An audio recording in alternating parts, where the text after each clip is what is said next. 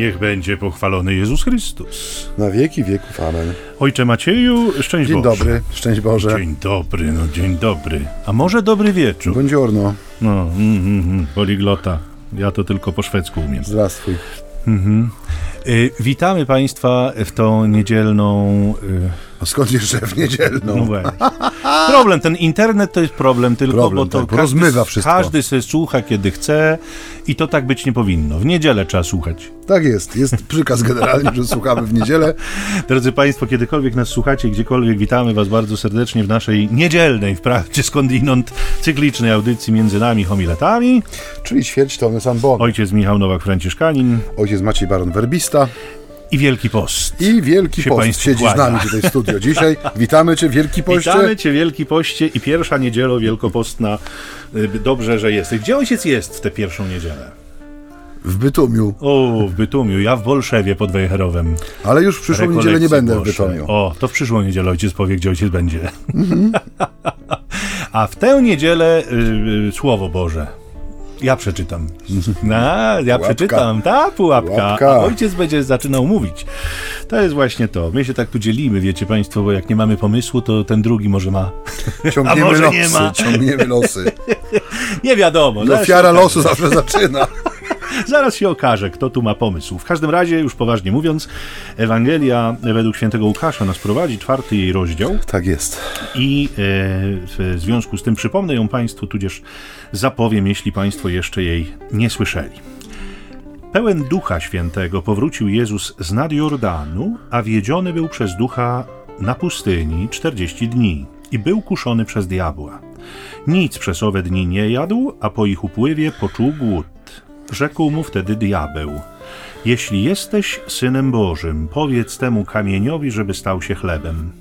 Odpowiedział mu Jezus: Napisane jest, nie samym chlebem żyje człowiek.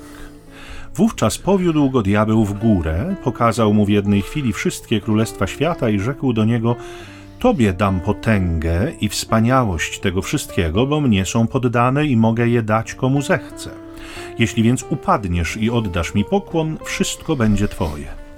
Lecz Jezus mu odrzekł: Napisane jest: Panu Bogu swemu będziesz oddawał pokłon i jemu samemu służyć będziesz. Zawiódł go też do Jerozolimy. Postawił na szczycie narożnika świątyni i rzekł do niego: Jeśli jesteś synem Bożym, rzuć się stąd w dół. Jest bowiem napisane: Aniołom swoim da rozkaz co do ciebie, żeby cię strzegli, i na rękach nosić cię będą, byś przypadkiem nie uraził swej nogi o kamień. Lecz Jezus mu odparł: Powiedziano: Nie będziesz wystawiał na próbę Pana Boga swego. Gdy diabeł dopełnił całego kuszenia, odstąpił od niego do czasu. Mam taką myśl. Brawo! Nie, nie wiem, czy jest ona odkrywcza. ale skoro- Pierwsza, ale nie jedyna, Nie jedyna, ale y, skoro ojciec mnie już tak ładnie wylosował tutaj do rozpoczęcia dzisiejszej naszej rozmowy, to ja tak może łagodnie wprowadzę Państwa w ten czas Wielkiego Postu, ponieważ e, oczywiście nagrywamy tę audycję z wyprzedzeniem. Nie zdarzyło się dzisiaj niestety o poranku solidnie zaspać. Nie słyszałem ani jednego budzika, e, ani jednego dzwonka. A dzwoniono i, i pukano cyfrowo, wirtualnie. No w każdym razie y, czuję się tak y, jeszcze świeżo po tej pobudce, więc mam za taki A zapasik. y, dodam, proszę Państwa, że jest dziewiąta dziesięć. No, ojciec Maciej się czuje świeżo po pobudce. Wiedziałem, że mnie zmiażdżysz. Wstałem, proszę Państwa, o siódmej, żeby nie było niedomówień. Mistrz, po prostu heros. Adrem, ojcze. Może muzyki trochę. Adrem, nie muzyka będzie później. Moi drodzy i o, mój drogi i moi drodzy, e, no, e, e, cóż, cóż powiedzieć? Kolejny Wielki Post w życiu Kościoła i w moim życiu. E, Celowo mówię, że kolejny, ponieważ e, ostatnio mam taką obserwację, już to nieraz tutaj mówiłem, że pamiętam moją mamę i moją babcię zresztą też, które zawsze powtarzały, Boże, jak ten czas leci, przecież dopiero stroiliśmy choinkę, a tu już gromniczny, a tu już popielec, a tu już wakacje, a tu już po roku.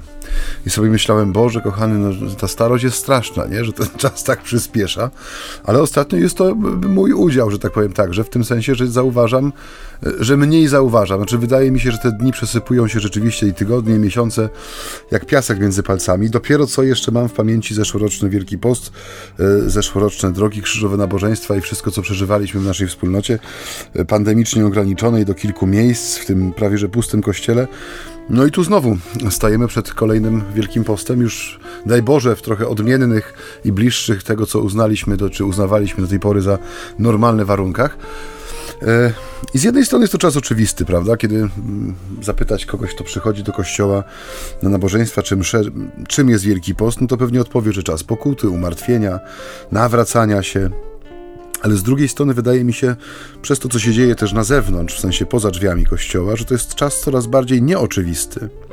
Bo ten świat, w którym przychodzi nam e, uobecniać te prawdy związane z Wielkim Postem, bardzo szybko się zmienia. To znaczy, to co było oczywiste jeszcze 20 lat temu, dziś już takie nie jest. Dziś nie jest w żaden sposób dane. I e, znów odwołam się do mojej, e, do mojej pamięci. Kiedy byłem w szkole średniej, pamiętam, że na czas Wielkiego Postu mieliśmy kilka takich lokali, dyskotek, klubów, jakkolwiek by je nazwać w okolicy i pamiętam, że w żadnym z nich w, w piątki Wielkiego Postu nie było zabaw, nie było tańców, nie było, znaczy one były oczywiście czynne, nie? Pewnie, no bo człowiek chce zarabiać i żyć, ale nie było jakichś hucznych zabaw rzeczywiście, nie? Dzisiaj e, no, przechodzi się przez miasto w piątkowy wieczór i to jest tak zwany weekend, jest rozpoczęcie weekendu, tak? Więc promocje na alkohol, głośna muzyka, zabawy, bez względu na to, że to jest y, jeden z piątków y, Wielkiego Postu, czy nawet Wielki Piątek, bo pamiętam w zeszłym roku taki zgrzyt przeżyłem, przechadzając się wieczorem przez idąc przez miasto. No, był to dzień jak co dzień, w sensie nie było żadnej różnicy w przeżywaniu tego czasu tak na ogół. A przecież no, możemy sobie założyć, że mimo wszelkich różnic i spadków wskaźników, wciąż jesteśmy społecznością w jakiś tam sposób naznaczoną przez nasze chrześcijaństwo, tak? No i możemy oczekiwać, że w jakiś e, wewnętrzny sposób to chrześcijaństwo też nas kształtuje. To znaczy, że no właśnie chociażby czy piątkowy post, czy wstrzymać się od jakichś e, hucznych zabaw w piątki, a w ogóle już piątki Wielkiego Postu, czy Wielki Piątek już w ogóle, no byłoby nie tyle jakimś dziwactwem, co jak gdyby takim naturalnym odruchem, w sensie naturalną postawą względem tego czasu, który przeżywamy świat się zmienia. Nie zmienia się na szczęście krzyż i to, co, to wszystko, co z krzyża wypływa. I Wielki Post jest takim czasem, w którym jesteśmy zaproszeni do tego, żeby podnieść oczy ku górze, skąd nadejść ma nasze ocalenie i utkwić je w krzyżu. Jest to czas adoracji krzyża, takiej wydłużonej, e, pogłębionej, przynajmniej z założenia. I e, dla Kościoła, czyli dla nas jako wspólnoty, ten czas jest bardzo istotny. W tym roku wydaje mi się, że będzie istotniejszy niż w minionych latach, bo przepraszam, z jednej strony, tak jak mówię, powoli wydaje się, że wracamy do jakoś tam rozumianej normalności, więc te zewnętrzne okoliczności już nie będą nas tak bardzo ograniczać w praktykowaniu naszej wiary czy przeżywaniu różnego rodzaju wydarzeń. A z drugiej strony jest to taki czas, y, no nie chcę tego mówić tak wprost, ale taki czas trochę lizania ran, w tym sensie, że widzimy, ile te minione dwa lata w nas obnażyły, bo za wiele nam nie zabrały tak naprawdę, nie? Znaczy to, co, to, co było utracone i tak y, było utracone, więc jak gdyby przyszedł taki czas tylko potwierdzenia tego, że, że pewna część naszej wspólnoty, czy e, konkretne osoby tak naprawdę nigdy nie czuły, czy bardzo słabo czuły się związane, czy włączone we wspólnotę Kościoła i ten czas epidemiczny tylko to potwierdził i może w nich ugruntował tą decyzję, że już nie, nie, nie stwarzają pozorów, nie, nie udają i, no i jest to w jakiś sposób też przykre oczywiście i smutne, no ale tak jak mówię, ten czas nam niewiele zabrał, ale wiele nam pokazał. I ten Wielki Post pod tym względem będzie szczególny, że jako czas nawrócenia i pokuty e, dla tych, którzy mają w sobie jeszcze ten taki głębszy odruch, refleksję, czy właśnie spojrzenie na krzyż, może być takim czasem e, świeżego, nowego startu, nowego powrotu, jak gdyby do pewnej gorliwości, do pewnego y, przestrzegania i tego, co się nazywa tym no, połączeniem wiary z życiem, tak, żeby na, na powrót jak gdyby ten pas transmisyjny włączyć, żeby to, co wyznajemy sercem, miało także przełożenie naprawdę naszych rąk, nóg, oczu, uszu i tego wszystkiego, co robimy, kim jesteśmy. Tak, to jest taka Ewangelia początku, bo no, zakładając, że jednak większość z nas w niedzielę chadza do kościoła, choć środa popielcowa była zaledwie 4 dni temu i, i pewnie również wielu z nas rozpoczęło ten wielki post od posypania, od brzędu posypania głowy popiołem, natomiast ta Ewangelia, ona, y, jak powiadam, Ewangelia początku, początku Wielkiego Postu, mam wrażenie, że z każdym rokiem jest coraz bardziej aktualna. To znaczy jej wołanie wydaje się być coraz bardziej natarczywe. E, ten przykład Jezusa wychodzącego na pustynię, która powiedzmy sobie szczerze, ona jest absolutnie niecodziennym miejscem dla nas, on robi wrażenie. Ja e, przyznam szczerze, że mm, ostatnimi czasy e, sprawdziłem sobie taką informację, mianowicie dotyczącą choćby korzystania z telefonu komórkowego. I wyobraźcie sobie Państwo, że Amerykanie z Francuzami przeprowadzili takie badania wspólnie, przebadano ileś tam osób i okazało się, że średnio w ciągu dnia człowiek ma, posiadający smartfona dotyka go około 2617 razy. To średnia, rekordziści powyżej 5000, niemal dwa razy więcej. Nie? I oczywiście y, chodziło o dotyk tylko wzbudzonego telefonu, to znaczy nie bawienie się nim, kiedy jest wyłączony, tylko rzeczywiście włączenie go i y, y, jakaś tam forma czy przeglądania internetu, czy gry w grę, jakąś, no tak czy owak. Granie niemal, w gry, tak. Tak, niemal dobre. 3000 razy ten telefon jest dotykany. Spędzamy przed ekranem telefonu średnio, znowu, bo to oczywiście możecie Państwo powiedzieć w życiu, no gdzie ja, ja tyle nie. No może nie, ale średnio mówi się o tym, że spędzamy około 2,5 godzin albo i więcej przed ekranem telefonu.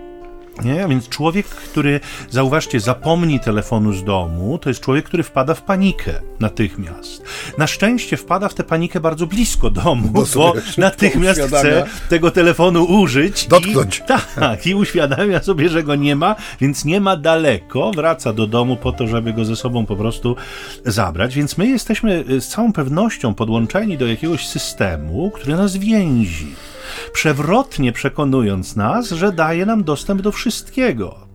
I ten dostęp jest rzecz jasna pozorny, bo zauważcie, że choćby wspomnianej pustyni, o której mówię, my nie doświadczymy na ekranie. My możemy na nią popatrzeć na ekranie z bezpiecznego fotela. Możemy sobie zobaczyć, jak żyje taka żmija pustynna, albo jak żyje jakiś inny tam robak na pustyni.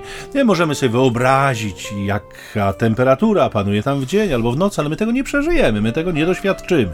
My możemy y, jakby nabyć pewnej wiedzy, czy zyskać pewne informacje o czym już zresztą wcześniej mówiliśmy. A więc y, y, jakby y, pustynia, o której mowa dzisiaj, o którą jakby Jezus nam pokazuje, jako pewien obraz, no skądinąd zachęcając nas swoim przykładem do tego, żeby jej zażyć, to jest cisza, nie? to jest pewien brak bodźców, to jest niemożność komunikacji, to jest samotność, to jest cała gama myśli, bo zobaczcie, czy może nas dziwić e, fakt, że na pustyni pustyni dochodzą do głosu demony, bo często mamy takie powiedzenie, że w tej ciszy wyłażą z człowieka różne demony. Dlaczego? Dlatego, że one na co dzień ukrywają się w zgiełku, nie? w tej codzienności, w hałasie, w którym bardzo trudno odróżnić ich głosy od wielu innych głosów, które na nas oddziałują. Nie? Więc po co tak naprawdę chodzić na pustynię? Po co sobie fundować taki czas, bo to bardziej chodzi pewnie o czas niż o miejsce, choć one są ze sobą jakoś tam ściśle związane, czy to ma jakiś, jakiś sens. I oczywiście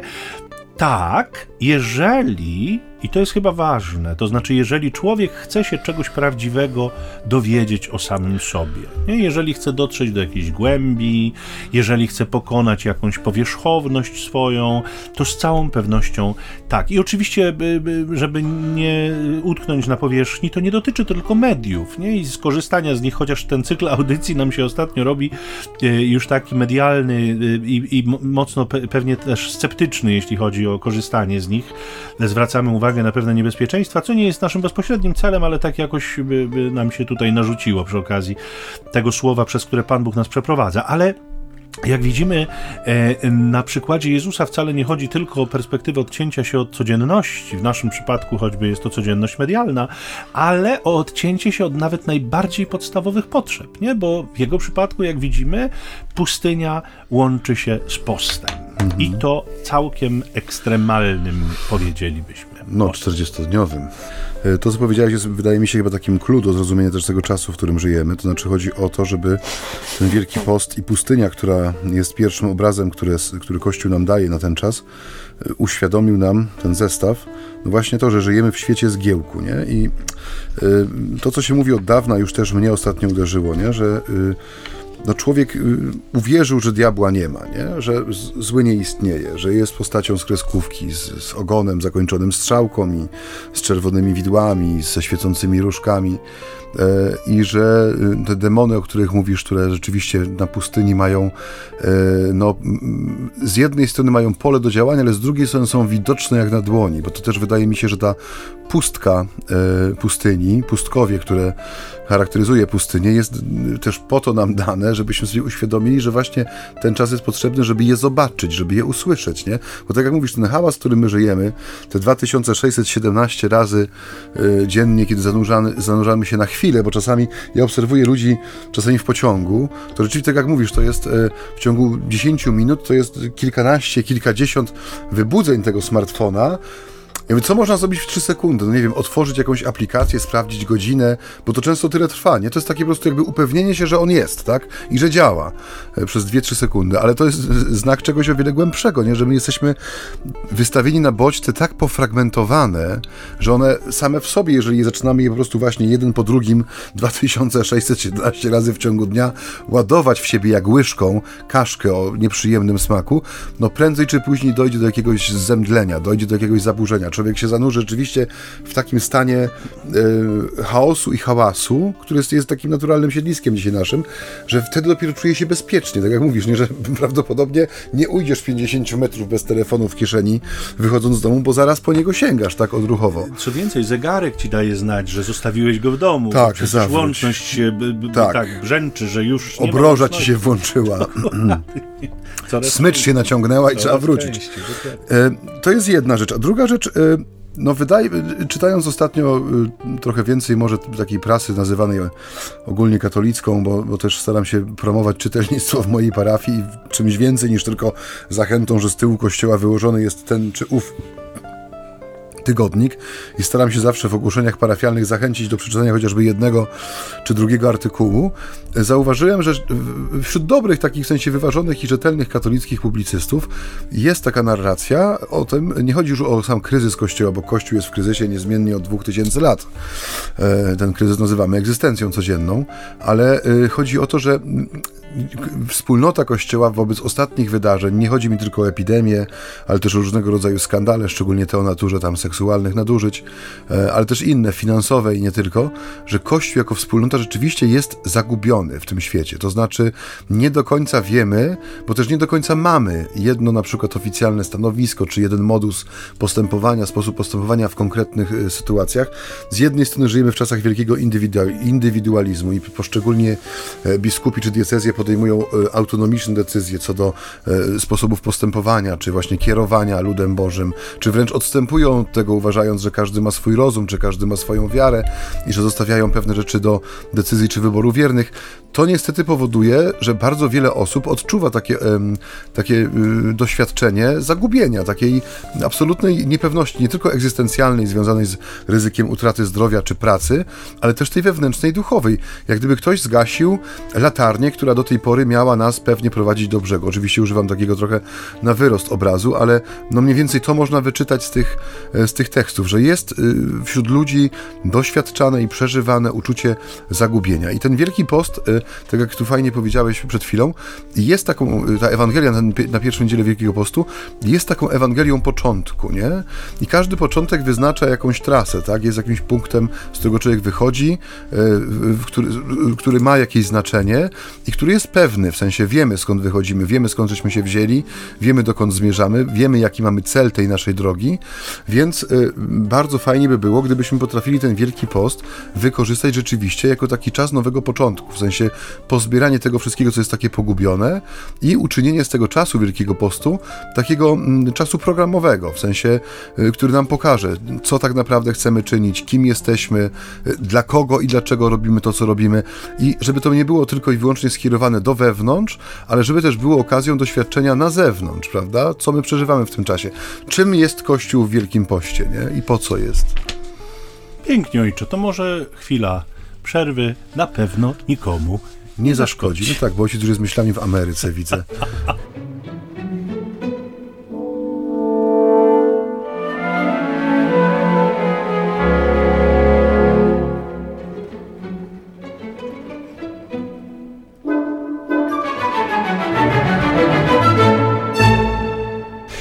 Jesteśmy po przerwie, drodzy Państwo. Wracam może do tego postu, który jest ekstremalny w perspektywie Jezusa.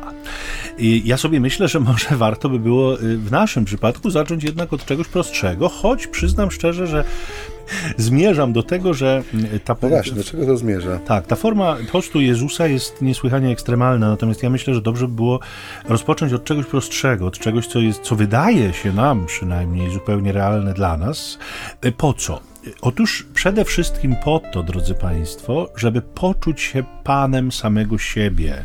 Tak w cudzysłowie oczywiście, rzecz jasna, nie? ale panem samego siebie, swojego ciała i swojego umysłu. Dlaczego to jest ważne? Dlatego, że to się może okazać pierwszą klęską, nie? ponieważ y, my często czynimy pewne założenia. Nie?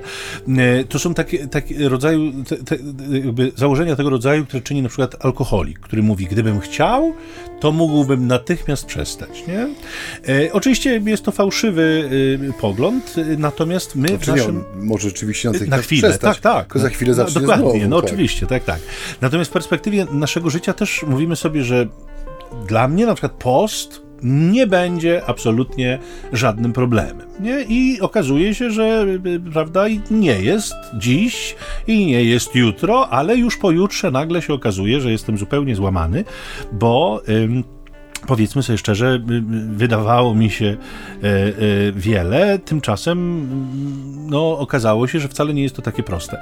Rzecz jasna, może tak być, wcale nie musi, ale, ale może tak być, dlatego że nasze człowieczeństwo przyzwyczajone do zaspokajania każdej naszej zachcianki i to natychmiast, no może nam spłatać figla, najzwyczajniej w świecie, mówiąc tak kolokwialnie. A więc pierwsza jakby taka zasada, spróbujmy zrobić coś takiego, co będzie nas kosztowało i co po, pomoże nam odzyskać w jakimś sensie władzę nad sobą, nie władzę nad swoim życiem, władzę nad swoim ciałem, nad swoim umysłem, nad swoim duchem, bo może się okazać, że wcale jej nie, nie mamy. I zobaczcie, a propos tego zaspokajania tych zachcianek natychmiast i, i, i koniecznie, na tym próbuje grać demon z Jezusem w tej pierwszej pokusie, o której słyszymy. To znaczy, nie czekaj dłużej, nie? Nie czekaj dłużej, nie dotrwaj do końca, nie, nie musisz.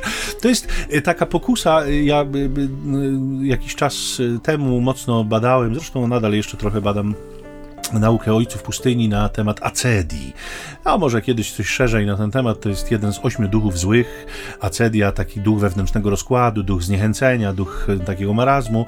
W każdym razie mm, jednym z założeń, jednym z takich, z takich, jedną z takich intensywnych pokus tego złego ducha, bo tak go Ewagriusz z Pontu nazywa, jest takie przekonanie mnicha. Wiecie Państwo, że mnisi, anachoreci, anachoreza, czyli to, to życie pustelnicze, na, na pustyni, żyli w samotności, w ascezie i w pokucie i w poście. Y, jedną z takich podstawowych pokus demona było nie musisz aż tak bardzo. Można też odejść, można służyć gdzie indziej Bogu, można trochę złagodzić to wszystko i też być dobrym chrześcijaninem, też być dobrym sługą Bożym. I nie ma w tym żadnego kłamstwa, nie, szanowni państwo? Pewnie nie ma, w sensie takim, że sama w sobie taka informacja jest prawdziwa. Można żyć in, inaczej i równie dobrze służyć Bogu. Natomiast ten, że człowiek został powołany do tego rodzaju życia i on w tym rodzaju życia ma jakby dopełnić swoich dni, bo tak go, że tak powiem, tak, do zbawienia to chce jest prowadzić. widziane jako taki przejaw okrucieństwa wręcz, prawda? Jeżeli tak. ktoś powołuje się na to, że to rozcieńczanie takie, w sensie tak, że mm jak nie tu, to gdzie indziej. Tak, tak. Jak, jak, nie z tą żoną, to inny, to tak, in... jak nie z tą żoną, to no, z inną. Dokładnie. I to się dzisiaj staje nie tylko na zewnątrz, powiem, ale także wewnątrz kościoła. Zauważ, że pojawiają się tego typu e, narracje, nie? że przecież to y, ktoś na przykład no, 30 lat temu, czy nawet tutaj 50 lat temu, prawda, kiedy ja ze swojego podwórka widzę współbraci, którzy są już no, w wieku lat 80 wzwyż, no dla nich nie do pomyślenia było, żeby na przykład zmienić miejsce pracy, do której zostali posłani. Kiedyś u nas tak zwane te, to, co u was się nazywa obediencją, tak? Tak. No u nas to jest po prostu, no dostaje się dekret w konkretne miejsce, tak? Współbrat dostaje dekret od swojego przełożonego. No dzisiaj jest to poprzedzone kilkoma sesjami takiej wspólnej narady, takiego rozeznania, ponieważ dzisiaj posłuszeństwo w zakonie przeżywane jest w sposób dialogiczny. No i no, nie chcę powiedzieć, że współbrat decyduje, gdzie się uda, ale ma wielki udział w miejscu, w którym się znajdzie, w sensie w przyznaniu tego miejsca, czy w wskazaniu. Kiedyś e, u nas było w ten sposób to przeżywane, że zarząd generalny, który był w Rzymie i współbrata Kowalskiego nigdy nie widział na oczy i pewnie nie zobaczy, decydował o jego przyszłości jednym listem, w sensie, który był przysyłany do prowincjalatu, tłumaczony na język polski i rano wstawałeś, myłeś zęby, wsuwałeś buty i wychodząc do kaplicy kopałeś kopertę, która była włożona w drzwi i było tam napisane, że za trzy dni stawi się ojciec w porcie w Gdyni, gdzie ma ojciec zakupiony bilet na statek, który płynie do Surinamu. Stamtąd siądzie ojciec na drugi statek polskiej żeglugi handlowej, który zawiezie ojca, dajmy na to, do Dżakarty. Życzymy Bożego błogosławieństwa w rozpoczęciu pracy misyjnej w Indonezji. I to było wszystko. I on miał trzy dni, żeby zakończyć swoje sprawy na miejscu i wyruszyć 12,5 tysiąca kilometrów w prawo, żeby podjąć pracę, z której e, to pokolenie pierwszych misjonarzy bywa, że nie wróciło już do Polski na urlop nawet, bo raz, że nie było takich możliwości finansowych w zgromadzeniu, a dwa, też przepisy jak gdyby no, nie przewidywały tego. Śmierć rodziców, rodzeństwa nie była mm, absolutnie przyczynkiem do zwolnienia. Subrat miał prawo do urlopu okolicznościowego, mszy świętej odprawionej za zmarłego rodzica czy tam rodzeństwo i wracał do pracy na miejscu, tam gdzie był, tak, po trzech dniach. I oni, jak się ich spotyka teraz, którzy, niektórzy jeszcze są na tyle na chodzie, że wracają teraz, no z racji tego, że jest łatwiej trochę przejechać i przefrunąć te 12 tysięcy kilometrów, tak. dla nich to było, no jak można, bo teraz jest dosyć sporo takich zmian, po roku, po dwóch, po pięciu latach, albo powrotów do ojczyzny, albo podjęcia właśnie nowego zobowiązania gdzie indziej, to było nie do pomyślenia, mówi, nie? Że dla nich to było tak oczywiste, że to jest miejsce, w którym widzi ich Pan Bóg, nie? I czy ono jest dobre, czy ono jest złe, według naszych kryteriów, to była kwestia pięciorze, piąto, piątorzędna, nie? Mm. Najważniejsze było dla nich wytrwać na posterunku, na którym stawia ich rękami przełożonych opatrzność. Dzisiaj, no możemy powiedzieć, że tak jak to ojciec Michał mówi czasami, młode wilczki mogą się z tego śmiać, tak? Bo, mm. bo jest zupełnie inna mentalność, także we wspólnotach zakonnych, inaczej się patrzy na tego typu kwestie. Ale pod tym względem, po którym mówisz tutaj, ta pokusa złego, nie? Żeby rozwodnić, żeby rozmyć, żeby właśnie wprowadzić to ale, nie? Bo to jest, to jest chyba takie najbardziej niewielkopostne słowo, które można e, znaleźć. Jest ten fajny cytat z biskupa Shina, nie? Jeśli jesteś katolikiem, ale mówisz, a, że jestem katolikiem, ale, to nie jesteś katolikiem, tak? No bo już, już wprowadzasz jakiś rozcieńczalnik do tego swojego katolicyzmu, nawet zanim postawisz cokolwiek po tym słówku ale. I tu jest podobnie chyba, że Wielki Post jest takim czasem, w którym rzeczywiście to ale będzie nas atakowało, nie? No fajnie, że podjąłeś ascezę i chcesz dotykać telefonu tylko 600 razy w ciągu dnia, a nie 2000, ale pamiętaj, jak wiele dzieje się na świecie, tak? Fantastycznie, że odmówiłeś sobie papierosów w Wielkim Poście, ale pamiętaj, że bardziej się stresujesz, musisz znaleźć sobie jakąś drogę alternatywną, mm. tak? Doskonała decyzja, że postanowiłeś uciąć relację, która oddala cię na przykład, nie wiem, od rodziny, od żony czy od dzieci, ale pamiętaj, że środowisko, które stwarzasz w ten sposób jest toksyczne, bo jest pełne twoich złych emocji, nierozwiązanych napięć i problemów. To słówko ale jest takim uniwersalnym kluczem złego do tego, żeby nasze skądinąd szlachetne postanowienia, prawda, od dzisiaj nie piję, ale w przyszłym tygodniu są urodziny Waldka, no nie? Właśnie, no więc zrobimy sobie tak, tą jedną małą chwilę mm. dyspensę tak, sobie zrobimy, tak, nie? Tak, tak. I to jest to, y, wracając do tej pokusy Jezusa, y, y, pozwól sobie, nie? pozwól sobie wytworzyć chleb z tych kamieni. Przecież podobno masz taką moc. Nie? Dlaczegoż miałbyś tego nie, nie zrobić? Dlaczegoż miałbyś jej nie użyć? I zobaczcie, Jezus, który jest ekstremalnie wyczerpany fizycznie, bo to się dzieje pod koniec jakby tego postu, on jest niesłychanie silny duchowo, to znaczy rozpoznaje ten głos kusiciela i odpowiada krótko, zwięźle i w punkt. Nie? Mówi, mówiąc niejako, innymi słowy, nie to jest najważniejsze w życiu człowieka. To znaczy, ten rodzaj potrzeb można zawiesić na jakiś czas. Natomiast zdaje się sugerować, że Słowa Bożego, którym należy się karmić nieustannie, nie należy zawieszać, nie, nie mhm. należy go odsuwać od siebie.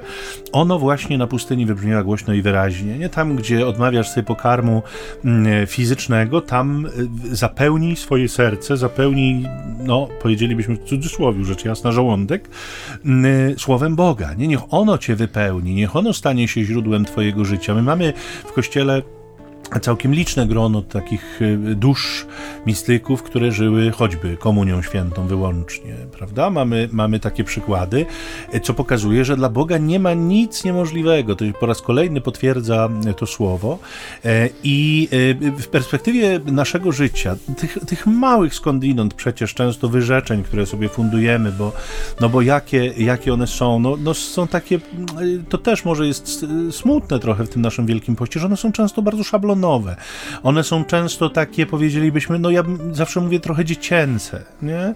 Podczas gdy jakby nie zdajemy sobie do końca sprawy chyba z tego, o co chodzi w tych wyrzeczeniach. One mają kształtować nowego człowieka. One mają kształtować nowe, nasze nowe życie. To znaczy, idealnie byłoby, gdyby postanowienia, które sobie podejmiemy, nie skończyły się z ostatnim dniem Wielkiego Postu, choćby tym szablonowym, już jak powiadam, odmówieniem sobie cukierków, a w Wielkanoc, no to nażrę się tak tych cukierków, że uszami mi będą wychodzić po prostu, bo często tak jest przecież, ale ideałem byłoby, gdyby to postanowienie, które ja podejmuję, zostało ze mną już na zawsze, gdyby ono stało się częścią mnie, gdyby ono dotyczyło rzeczywiście ważnej sfery mojego życia, a ten Wielki Post pomógł mi na nią realnie wpłynąć. To o to właśnie chodzi w tych naszych postanowieniach, nie o czasowo, czasowe zawieszenie tego czy tamtego, bo wiemy, że to, to się udaje, to jest możliwe, to wracając znowu do uzależnionych choćby, nie? Alkoholików. To jest pierwsza zasada spowiednika. Nie wolno alkoholikom e, i innym uzależnionym zalecać czasowej wstrzemięźliwości, bo on jest w stanie to zrobić. Tak. I on się tylko utwierdzi w przekonaniu, że nie ma problemu. 59 ostatniego dnia. Dokładnie. I on, on nie ma problemu, on nie jest chory, wszyscy mają dookoła problem. Więc y, my możemy sobie czasowo coś tam nie, odmówić czegoś, możemy sobie czasowo coś zawiesić, ale to nie o to w tym chodzi. W Wielkim Poście chodzi o to, żeby ten czas nas przemienił. To znaczy, żebyśmy my po Wielkim poście zyskali pewną nową wartość albo utracili pewną wadę, grzech, słabość, z którą powiedzmy należałoby się rozstać. Mhm. Y tutaj jest taki moment, w którym ja chciałem poruszyć kolejną myśl, może trochę zmieniając wątek, ale nie, nie do końca myślę. Mówiłem Ci wczoraj w, poza anteną takim wywiadzie, który przeczytałem z niemieckim dziennikarzem, osobą, która deklaruje się jako człowiek niewierzący i zupełnie oderwany od wszelkiej formy życia religijnego, wychowany w rodzinie niereligijnej, zupełnie, w Niemczech. I mieszka do dzisiaj w Berlinie, potężne miasto, nigdy nie śpiące, pełne no, różnych kultur, różnych inicjatyw, przepełnione wręcz ludzką działalnością, wszelaką, wszelaką i y, y, mówi o swojej miłości do miasta, w sensie jak bardzo lubi mieszkać w Berlinie, właśnie też ze względu na to, że jest to takie żywe miasto, że jest pełne właśnie y, ludzi z różnych stron świata. Ten tygiel wielokulturowy cały czas pyrka, wypluwa, że tak powiem, nowe pomysły, nowe, e, nowe e, idee i tak dalej. I w pierwszej chwili myślałem sobie, po co na katolickim portalu tego typu wywiad, no bo tam nic nie ma. I nagle on po tym takim wstępie, powiedzmy, krajoznawczo-turystycznym e, przechodzi do jak gdyby meritum. Jako osoba szczerze niewierząca, bo mówię, to są ludzie, mhm. nie każdy człowiek niewierzący jest oczywiście wrogiem Kościoła, czy po prostu nie ma łaski wiary, a to, że może spoglądać na pewne rzeczywistości wiary nawet w sposób bardziej klarowny i jasny niż my, którzy jesteśmy przynajmniej z deklaracji zanurzeni w tych sprawach, to nie ulega wątpliwości. I wypunktował y, wspólnotę Kościoła, w sensie no, też nas wszystkich, jako Kościół powszechny, ale też swój Kościół lokalny, w sensie którego przynajmniej siłą prawa jest częścią, tak? Bo jeżeli na przykład płacimy tak, tak, zwane, tak zwane pogłowne do, do, do kasy kurialnej, czyli te pieniążki, które mają pomóc utrzymać diecezję, to one są naliczane od wszystkich, nie tylko od wierzących parafian, ale od wszystkich, którzy są w danej diecezji przyporządkowani do poszczególnych parafii. E, więc chociażby już w ten sposób Kościół obejmuje jak gdyby e, swoją działalnością wszystkich. I on powiedział z takim żalem nieukrywanym i rozczarowaniem, że przez te wszystkie lata, kiedy tam jest jako świadomy, dojrzały człowiek, jego nikt nigdy nie próbował zewangelizować. Że nikt do niego jako człowieka niewierzącego nie wyszedł ze strony y, wspólnoty Kościoła z jakimkolwiek orędziem, już nie wspomnę o orędziu ewangelicznym, bo on oczywiście wskazuje, że są y, inicjatywy ekologiczne, y, promowane przez kościoły, jak segregacja odpadów, troska o zwierzęta, o psy i kotki, jakieś różnego rodzaju dziwne zdarzenia polegające na tym, żeby się jednoczyć z drzewami w parkach pod auspicjami różnych wspólnot chrześcijańskich. Tego nie brakuje, ale to nie jest istota Kościoła Kościoła, co on zresztą sam potwierdza. Jego nikt nie przyszedł ewangelizować, nie? I tak sobie pomyślałem, czytając ten wywiad, że Wielki Post jest takim przeoczonym olbrzymem, w tym sensie, że... Yy, kiedy, jeśli nie w czasie autentycznego nawrócenia się, my jesteśmy autentycznymi świadkami, nie? Czyli jeśli czas Wielkiego Postu będzie takim czasem, tak jak tu Michał mówi, powiedzenia nie e, tym wszystkim pokusom, które właśnie chcą ten czas nam skrócić, rozwodnić, wbić to ale diabelskie, tak żeby e, no, jak gdyby zupełnie obalić jak gdyby sens tego czasu. Jeżeli byśmy przeżywali tych 40 dni Wielkiego Postu jako autentyczny czas, trochę jak Ramadan wśród muzułmanów, czyli żeby był zewnętrznie widoczny ten czas. Już nie chodzi mi o ten znak krzyża czy plamkę popiołu w, w popiele na czole, ale poprzez podjęte działania e, ewangelizacyjne, proste. Nie? Niech to będzie rzeczywiście, może czasami wyjście przed drzwi kościoła w mieście, z, już nie mówię, że z tym, z banerem, bo to się kojarzy z innymi ruchami religijnymi, ale ze słowem zaproszenia, na przykład podejść do człowieka i powiedzieć, że jest otwarty kościół, nie? Jest wielki post, na przykład jest adoracja Najświętszego Sakramentu, albo spowiedź, nie? Żeby nie tylko kartka na kościele przyklejona do drzwi informowała o godzinach nabożeństw, ale żeby, żeby człowiek wyszedł, mówię, że ja jestem stąd, nie? Tu przeżywamy tą rzeczywistość, nie? Zapraszamy. Czy ja będę wyśmiany, czy opluty, czy zignorowany, to jest już ryzyko ryzyko apostoła, nie? Tej nieskuteczności.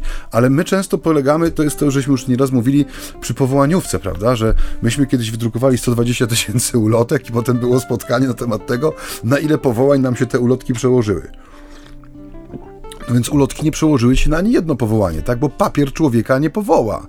Bo były te mityczne opowieści, że ktoś kiedyś dostał od cioci czy od chrzestnej kalendarzek werbistowski Czas Słowa Bożego kieszonkowy i otworzył go na ostatniej stronie i tam był adres nowicjatu i on trzy tygodnie później już był spakowany do drogi. No fajna historyjka, może na rozpoczęcie rekolekcji powołaniowych, ale każdy, kto ma odrobinę zdrowego rozsądku wie i wiary też, że postawa nawrócenia, powołania kształtuje się, dojrzewa w relacji z drugim człowiekiem, a nie przez kartkę na drzwiach, y, gazetkę parafialną z ogłoszeniami wywieszonymi gdzieś tam przy bocznej ścianie kościoła, czy coś innego, nie?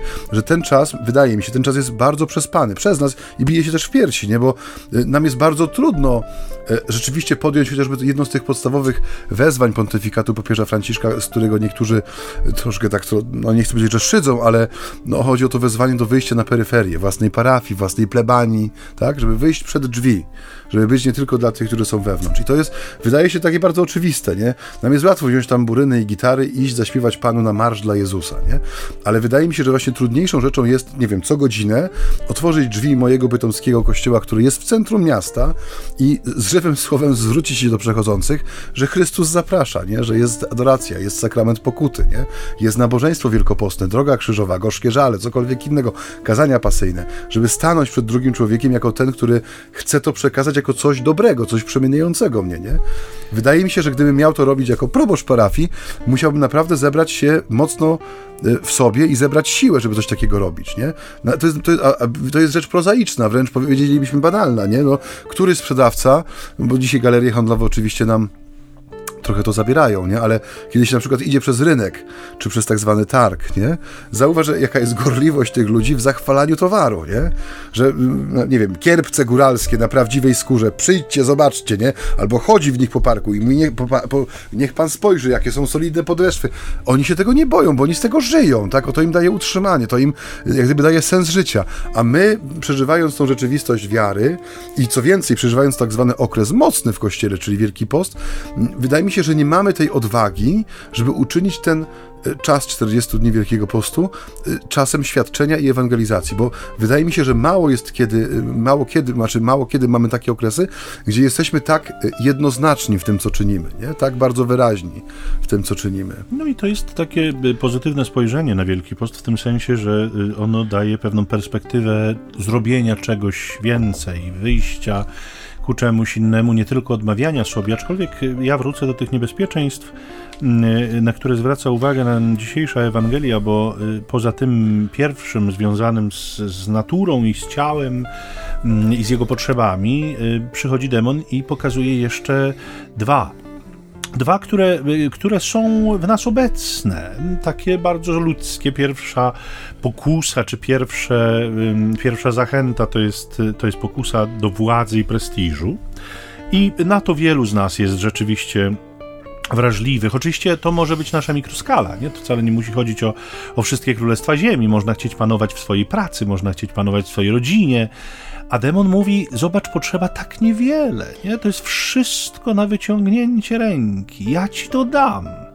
Wystarczy, że spełnisz mały waruneczek. Nie? I zobaczcie, że ta prowokacja wobec Jezusa ona jest niezwykle ordynarna i jest łatwa do uchwycenia, ale przecież nie musi tak być. Nie? To może być bardzo systematyczne, powolne, cierpliwe przesuwanie granic. Nie? To może być bardzo konsekwentne, powiedziałbym, spełnianie marzeń demona, żeby on mógł spełnić nasze marzenia. Nie? I, i, I to jest oczywiście skrajnie naiwne, bo demon nigdy nic nam nie daje a już na pewno nie to, co obiecuje, bo jest wielkim kłamcą i, i tu w tej propozycji wobec Jezusa jest też kłamstwo ukryte. Nie? Demon nie jest właścicielem tego wszystkiego, co oferuje. Oczywiście y, w jakimś sensie moglibyśmy powiedzieć tak, ale nie dlatego, że Bóg mu dał władzę nad tą rzeczywistością, ale że człowiek dał mu władzę nad rzeczywistością. Te królestwa ziemi, o których on mówi, że są jego, owszem, bywają jego przez fakt tego, że ludzie, którzy tam żyją, bardziej oddają się Jemu, ufają Jemu, niż, tym, e, niż temu, który jest, jest Bogiem, nie? niż temu, który jest, jest królem. Jezus oczywiście kontruje demona znowu słowem i bardzo precyzyjnie i konkretnie mówiąc, że jeden jest, któremu się należy kłaniać, jeden jest, któremu należy służyć i tylko on jest wiarygodnym dawcą, który jest wierny swoim obietnicom i rzeczywiście daje zawsze to, co dla człowieka jest najlepsze, nie zawłaszczając go i nie manipulując nim przede wszystkim. Natomiast ta trzecia pokusa, ona E, podoba mi się szczególnie, oczywiście w cudzysłowie rzecz jasna, e, o tym mówię, że podoba mi się. To znaczy, Dobrze, że ojciec jest, doprecyzował. Tak, tak, zdecydowanie. To jest pokusa wyjątkowości, nie sławy, wyjątkowości. E, my niejednokrotnie dzisiaj bardzo chcemy się wyróżnić z tłumu, to widać. Ja przyznam szczerze, że przypomniała mi się taka sytuacja, kiedyś byłem u pewnej rodziny w gościach i ich najmniejszy syn, jeszcze wówczas młody, bardzo mały dzieciak, bardzo chciał zwrócić naszą uwagę na siebie, a próbował różnych metod i nie udało mu się, w końcu się zaczął rozbierać do naga, na co rodzice oczywiście natychmiast zareagowali, ale konkluzję mieliśmy wspólną, wniosek był jeden i nie dotyczył on wcale dzieci, tylko dotyczył ludzi dorosłych. Mianowicie dzisiaj ludzie są gotowi zdjąć majtki, byle inni zwrócili na nich uwagę. Nie obserwujemy to tak naprawdę w codzienności, nieważne jak będą mówili, ważne, żeby mówią, tak. mówili. Nie? I tu media społecznościowe, e, powiedziałbym, są pełne ludzi bez majtek. Nie? I to w cudzysłowie znowu, bo nie chodzi o to, że, że obnażają się czy pokazują się w sytuacjach pornograficznych, ale chodzi o to, że niejednokrotnie uprawiają swoistą pornografię życiową, nie? obnażając najintymniejsze często sekrety swojego życia, wpuszczając do nich innych po to, żeby zaistnieć, nie? po to, żeby choć przez chwilę, bo to najczęściej jest chwila, żeby o nich mówiono. I znów stanowcza riposta Jezusa, mianowicie wyjątkowość nie jest ukryta w nadzwyczajnościach a niektóre z nich są wręcz pomijaniem Boga i są takim rzuconym mu w twarz, jeżeli mnie kochasz, to mi pomożesz to mi i to osiągniemy, pokaż. tak, i osiągniemy to, co ja chcę, to, co ja postanowiłem sobie osiągnąć. Jezus mówi, nie będziesz wystawiał Pana Boga swego na próbę. Innymi słowy, jego wola jest ponad moją wolą. Nie? Ja niczego nie wymuszam. Ja odkrywam Jego plan na moje życie. I nie wiem, czy to jakby zauważyłeś, czy to nie jest zdumiewające, że te pokusy wylazły na pustyni. Nie? Czy, trzeba by sobie postawić pytanie, czy to jest wina pustyni. Nie? Bo może rzeczywiście lepiej unikać tej pustyni, skoro ta pustynia generuje w nas tego rodzaju pokusy. Ale powiedzmy sobie szczerze, drodzy, ona była tylko środowiskiem ich ujawnienia. Ona hmm. była tylko katalizatorem, który przyspieszył to, żeśmy je dostrzegli.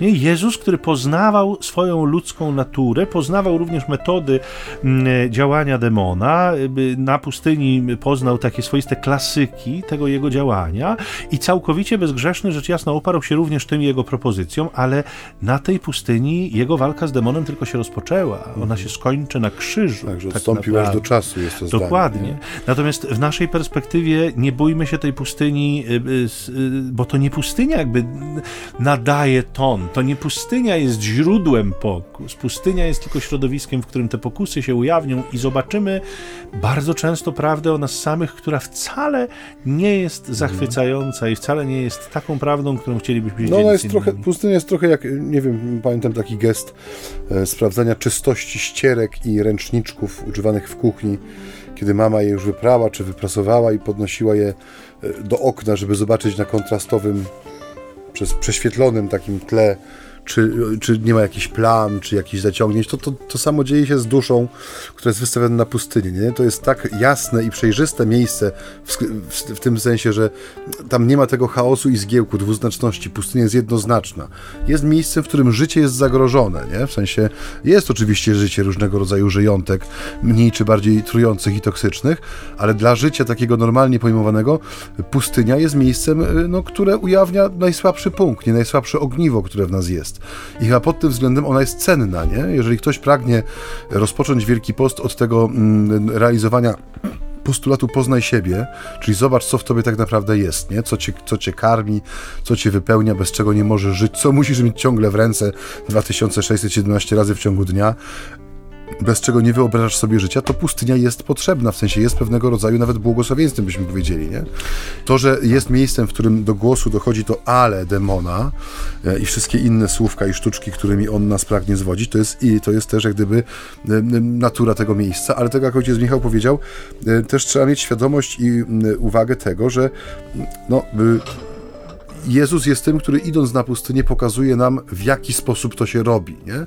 Że człowiek, który ma, ma ochotę właśnie na to y, skrócenie, rozwodnienie, postawienie sobie tego ale, tak naprawdę nie wyszedł tam na pustynię w tym celu, którym, o którym mówi nam Ewangelia. Nie? Że wychodząc na pustynię z Jezusem, czy ona będzie w centrum wielkiego miasta, czy to będzie właśnie moja droga Wielkiego Postu, czy 15 minut w ciągu dnia, kiedy chcę świadomie być na modlitwie, to już jest kwestia ode mnie zależna, tak? Ale idę za tym, który się nie poddał, nie? Idę za tym, który mimo potwornego fizycznego wyczerpania pokazuje nam, gdzie drzemie prawdziwe źródło mocy człowieka, nie? że on drzemie w Bogu, nie? który dla niego nie ma rzeczy niemożliwych. Tak jak tu Michał wspomniał, tych, którzy potrafili przeżyć lata, y, karmiąc się po ludzku tylko Najświętszym Sakramentem, Komunią Świętą, to jest taki y, cud pływający na granicy y, codzienności, w sensie schowany, nie ma, nieduży, tak jak Komunia Święta jest maleńka i biała, tak ten, te, te cuda tego typu, one pokazują, że Pan Bóg no, jest wirtuozem gry na pięciolinii życia, w tym sensie, że potrafi umieścić cud w takim miejscu, zamanifestować swoją wielkość i moc, no bo jest to e, obiektywnie rzecz biorąc wydarzenie ogromne, ale z drugiej strony ono jest ciche i pokorne, nie? Jest rzeczywiście według serca Jezusowego, który nie trąbił i nie bił w gong na pustyni, że oto ukończył 40 dni e, bez pokarmu, prawda, że jest wycieńczony i teraz klękajcie narody. Tego nie ma, nie? On jest cichy i pokorny w tym wszystkim. Jest, wie, wie kim jest z jednej strony, a z drugiej strony, tak jak Michał mówi, pustynia pokazuje też Jezusowi jego ludzkie oblicze, nie? Tego, że jest tak jak każdy z nas wystawiony, czy był jak każdy z nas wystawiony właśnie na to diabelskie ale, nie? Kończąc pewnie powoli to nasze spotkanie, y, jeszcze bardzo chciałbym zwrócić uwagę na jednego cichego bohatera tej Ewangelii, który może nam zniknąć i umknąć. Czy ojciec raczy tam... Czy, czy ojciec słynie o Duchu Świętym? W rzeczy samej, no jak ładnie, nie umknął ojcu. A on nie. występuje na początku tej Ewangelii i pod koniec można już o nim zapomnieć. A myślę sobie, że to jest niesłychanie ważne, zwłaszcza u początku Wielkiego Postu, które, który rozumiemy częstokroć jako swoistą pustynię w naszym życiu. Nie wolno się wybierać na pustynię bez asystencji. Duch Boży Ducha unosi się nad pustkowiem, jak mówi no, Genezis, także... Tak, i to, i to jest ważne. Myślę, drodzy Państwo, że jeżeli rzeczywiście dojrzewacie do jakiejś zmiany, do jakiegoś Çünkü wprowadzenia. Coś zimne się zrobiło? Tak, jakoś przeszedł mnie No dreszcz, to Duch Święty pewnie. E, e, e, jeżeli dojrzewają Państwo do, do jakiejś zmiany, do, jakiejś, do, do wprowadzenia jakiejś korekty w swoje życie, do być może podjęcia jakiegoś zobowiązania wielkopostnego, niech temu towarzyszy łaska Ducha Świętego. Módlcie się i wołajcie o Ducha, proście Go o inspirację, proście Go też o siły do tego, żebyście mogli zrealizować czas pustyni, przeżyć czas pustyni, bo wiedzmy, że będzie z nami dokładnie tak jak z Panem Jezusem. Na początku będzie super fajnie i gorliwie, a pod koniec będzie coraz trudniej i ta ludzka natura będzie nam się buntować i ta ludzka natura będzie zmęczona, udręczona. Mm, natomiast Duch Święty sprawi, że nasz duch, nasz duch wewnętrzny będzie mocniejszy i będzie gotów rzeczywiście e, dopełnić tego czasu, który jest absolutnie ważny, cenny i potrzebny każdemu z nas. I Pan Bóg nam go daje w tym rozpoczynającym się fantastycznym, wielkim poście roku pańskiego 2022. Jak ojciec to ślicznie podsumował, już tylko zostaje nam pożegnać się chyba i zaprosić Państwa do przestrzeni wirtualnej, nie więcej jednak niż raz na jakiś czas. Zapraszamy do tego, żeby e, dołączyć do nas w naszych rozważaniach przez serwis Spotify. Tam są wszystkie odcinki naszego e, podcastu, programu, e, także te z minionych e, wielkich postów, które wspólnie przeżyliśmy. Można sobie poszerzyć refleksję o te minione. Ewangelię i rozważania nad nimi. Także zapraszam także na Facebooka, naszą grupę. E, ostatnio pojawiły się tam intencje, prośby o modlitwę. E, chcę zapewnić, że one są też włączone u nas. Włączam je do naszej parafialnej modlitwy, e, czy to adoracji, czy modlitwy wiernych. Także Bóg zapłać za te, za te formy obecności i zawierzanie swoich spraw przez nasze ręce i usta i serca Panu Bogu. Także serdeczny Bóg zapłać za to. Ja Państwa pozdrawiam z Bolszewa, z, po, z Podwejherowa, z rekolekcji wielkopostnych od księży Pijarów. A ja ze Wzgórza Świętej Małgorzaty w Bytomiu. A kończymy tę dzisiejszą audycję w Radio Niepokalanów. Audycję... Cóż za zbieg okoliczności. Bilokacja, już na, na takie, wiesz, do, do 600 kilometrów mi wychodzi. Masz już Widzę, że tobie też. Y, między nami homiletami, czyli ćwierć tony zambony w pierwszą niedzielę Adwentu żegnają się z Państwem ojcowie Michał Nowak, odległy Franciszkanin i ojciec Maciej Baron, bytomski werbista. Z Panem Bogiem. Niech Was błogosławi. Szczęść Boże. Strzeże i umacnia Wszechmogący Bóg, Ojciec i Syn i Duch Święty. Amen.